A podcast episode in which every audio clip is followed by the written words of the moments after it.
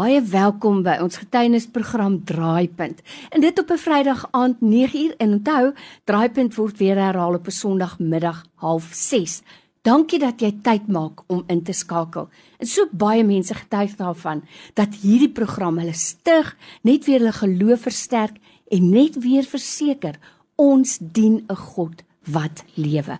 Onthou, as jy 'n getuienis het, moenie nalat om dit met ons te deel nie. Laat weet net vir my met 'n SMS na 32716. Dit kos R1 of 'n WhatsApp 0844 104104 en ons bel jou terug. Nou by my in die ateljee het ek vir Jacqueline Ruth en soos ek nou pas vir haar gesê het, ons het elkeen 'n storie. Ek ken regtig nie een persoon wat net 'n wonderlike kinderlewe gehad het en vir wie die lewe altyd net arbeye en room was nie. En dis juist hoekom ons met mekaar moet gesels sodat ek weer vir jou kan bemoedig en jy vir my. So Jacqueline, ek wil net vir jou sê dankie dat jy tyd gemaak het om in te kom na die ateljee toe. Ons waardeer dit. Ag baie dankie. Jy is meer as welkom. Waar begin jou verhaal? Weet jy, ek is in Johannesburg gebore, maar ek het in Klerksdorp groot geword. My ouers het soontoe getrek. Ons het baie arm groot geword. So ek het altyd baie skaam gevoel oor my klere, my gedrag. So ek het nie baie selfvertroue gehad nie. My stiefpa was 'n ateës gewees. So ek het baie gesmag na die Here as 'n jong kind maar dit was nie getolereer in ons huis nie. So jy moet my nou verskoon mm. want ek's eintlik Engels, so ek probeer nou my Afrikaans, so ek sal nou en dan so 'n paar woordjies omdraai. Maar weet jy, ek het baie rejection gehad. My ouers was geskei. Ek het toe ek klein meisietjie was, was ek gemolesteer mm. deur 'n familielid en toe was dit nog erger. Ek het baie trauma ervaar, so ek kon nie konsentreer nie ek kon nie my aandag hou op dinge nie. Ek het dinge begin nooit klaar gemaak nie. So mense het my begin sê ek sal wash out. Hulle begin vir my te sê ek sal nooit iets regtig kan doen nie. Ek kan nie stil sit nie. Dit was soos ek het altyd gesê, "Oh, she's got ants in her pants," jy weet. Mm. Maar dit was alles die trauma geweest. Maar mm. vandag is ek nog steeds joyful. Ek het nog steeds my uh, persoonlikheid, maar ek is nie iemand wat angstig is mm. En toe ek 13 was, toe gaan ons na 'n troue toe op 'n plaas. Almal het gedrink, almal. En uh die kinders was almal in een kamer saam geslaap en daar was drie jong mans daar. En al drie mans het my verkrag. Sjoe. En daai het alles vir my heeltemal verander. Ek het begin kyk vir mans met angstigheid. Ek kon nie meer vir 'n man in die oë kyk nie. Ek kon nie meer um, 'n um, gesprek hê sonder om te babbel oor my woorde nie of ek het ek was nie een van daai wat teruggetrek het nie. Ek het eintlik meer gepraat mm. en nonsens gepraat en jy weet as daar baie mense om my was, moes ek net meer praat en mm. praat mm. want ek wou net daai acceptance gehad het mm. dat jy's goed genoeg, jy weet. So ek was maar handvol gewees, hoor, en toe ek verkrag was, het ek eintlik in die bakkamer ingegaan en ek het myself in die spieël gekyk en ek het vir myself gesê jy sal dit nooit weer onthou nie. Want dit het vir my soveel shame gedra mm. want vandat ek jonk was wou ek 'n virgin gebly het. Mm. Dit was my hart se begeerte. 'n Diep begeerte. Mm. En ek het soveel pyn gedra. Laat toe ek in die spieël kyk en ek sê dit vir myself, het ek werklik daai memory weggevat. Heeltemal. So daar's eintlik 'n naam daarvoor. Die naam vir dit is dis dissociation disorder jy disassociate jouself heeltemal van 'n trauma wat met jou mm. gebeur. En vir my was dit deur 'n keuse.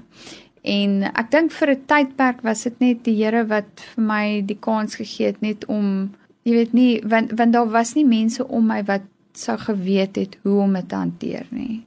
Jy weet Jacqueline, as ek nou luister na jou verhaal, die ondersteuningsraamwerk wat 'n mens sou verwag, mm. was eintlik nie regtig teenwoordig nie. Glad en nou nie. sit 'n jong meisie en ek wil vandag so dankie sê dat jy dit met ons deel. Want dis vrouens wat nou na ons luister en wat daai skaamte en daai shame soos jy dit noem dra. Hmm. En dit is glad nie hulle skuld nie. So die Here kan 'n mens waarlik vrymaak. Vandag as ek na jou kyk, staan jy in 'n bediening. Jy's voltyds in God se werk. Waar die bevryding gekom? Weet jy, ek het in 2 die 28ste Februarie 2000 wou ek selfmoord pleeg. Sure. Ek het 'n buiteegtelike kind gehad. Net daarna het ek sy pa gelos en toe was ek alleen by my huis gewees. Toe kom 'n man daar aan en hy het my verkrag. So ek was 'n tweede keer in my lewe verkrag. Sure. Die eerste verkrachting wat het ek gevries. Die tweede een het ek terugbeklei en dit was baie aggressief geweest. Mm. En ek het toe swanger geraak as gevolg van daai verkrachting.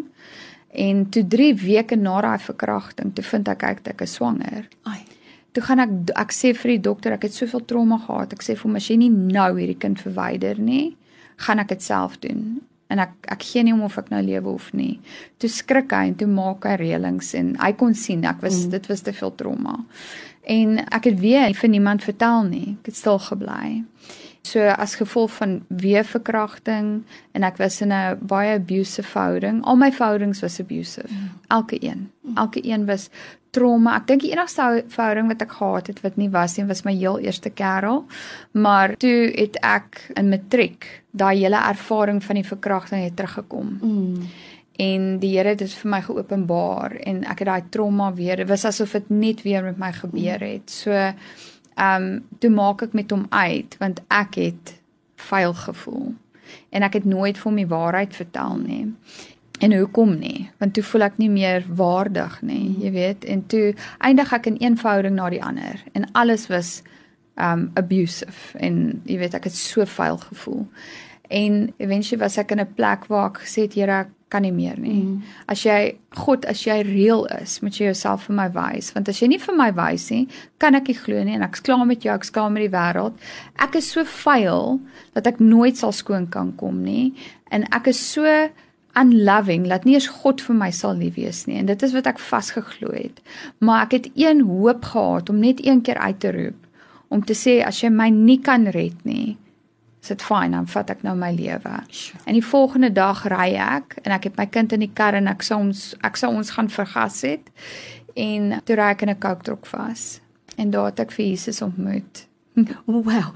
En jy weet wat vir so wonderlik is van jou verhaal is onverwags op 'n manier wat 'n mens se verstand dit nie kan uitdink nie. Ja. So daai skok van die ongeluk het jou tot jou sinne geruk, is ek reg? Ja, ja, ek het eintlik 'n vergryslike elmboog gekry My van dit. aarde. Ja, so my hele arm was vergrys, my hele lyf en ek het altyd my hele identiteit was op 'n mooi lyf, 'n mooi gesiggie, 'n mooi dit. My tand was uitgeslaan, maar toe ek al wakker word, voordat ek wakker geword het, toe kom ek in Jesus se teenwoordigheid. En ek sê vir hom ek wil ek wil by jou bly. En hy sê vir my dis nog nie tyd nie en hy wys my my kind. Maar in sy teenwoordigheid ervaar ek die diepste liefde dat nie een sel in my lyf nie liefde gevoel het nie. Ek kon elke sel in my lyf ervaar op dieselfde tyd. En elke liewe sel was gedek in liefde heeltemal. Wow. En ek het gevoel asof ek 'n nuwe babietjie is wat nog nooit gesonde het nie en ek het nie eers vir Jesus gevra om my te vergewe nie. En na dit was ek so aan die brand.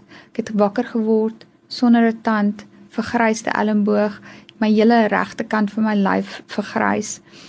Maar ek het soveel joy in my hart gehad, soveel liefde en ek het soveel rustigheid gehad. En ek is weer deur 'n tweede trauma met my egskeiding. Maar weet jy wat? Die Here het vir my deur 'n paadjie van genesing weer gevat. Hy's so genadig. Mm. En hy het net vir my gesê, "Jax, jy moet net nie trots in jou hart hê nie. Mm. Want trots sê jy glo nie my woord bo jou omstandighede nie. Jy moet onthou wie ek sê jy is." En toe sien ek daai klip van Simba se pa wat met hom praat en toe ervaar ek die Heilige Gees wow. so en hy sê remember who you are. Oh wow. toe hy dit doen, toe besef ek ek is 'n kind van Jesus Christus. En jou lewe getuig daarvan. As ek na jou kyk vandag, Jacqueline, dan sien ek iemand waarvan ons lees in die woord want hulle wat in Christus is, is Ja. 'n nuwe mens. Die Yes. ou dinge het verbygegaan. Ja. Jy het waarlik nuut geword. Net ten slotte, hier is nou miskien en ek was verbaas nou die dag om te hoor van 'n dame van in die 80 Ja. wat as kind verkragt was wat nooit daaroor kom Ja. kon kom nie. As daar iemand is wat vandag na ons luister wat worstel met al hierdie trauma, wat 'n woord van hoop het jy vir so 'n persoon? Weet jy, ek wil vir julle sê en dit gaan my sien nie klink soos 'n iets wat jy vir iemand sê wat verkrag was nie, maar daar's 'n woord en ek gaan dit ongelukkig in Engels gaan moet sê. Faith is now. So faith is nie môre nie, oormôre nie, dis nou. And as Jesus is now, so are you in this world. You don't have to achieve it. You live it out moment by moment. Jy is soos wat Jesus sê. Jy is, jy is net soos Jesus. Jou naam is op dieselfde testament geskryf as wat Jesus se naam geskryf is. Alles wat aan Jesus behoort, behoort aan jou. En God se woord is genoeg om jou te genees. Ek het jare by sielkundiges gesit en dit het my prakties gehelp met praktiese goed. Maar dit was net die woord van God. Toe ek het ek het Joshua 1 gevat en Psalm 1 gevat waar dit sê meditate day and night. Nie Ja. net een keer 'n dag Ja. nie. Dag en nag in my woord.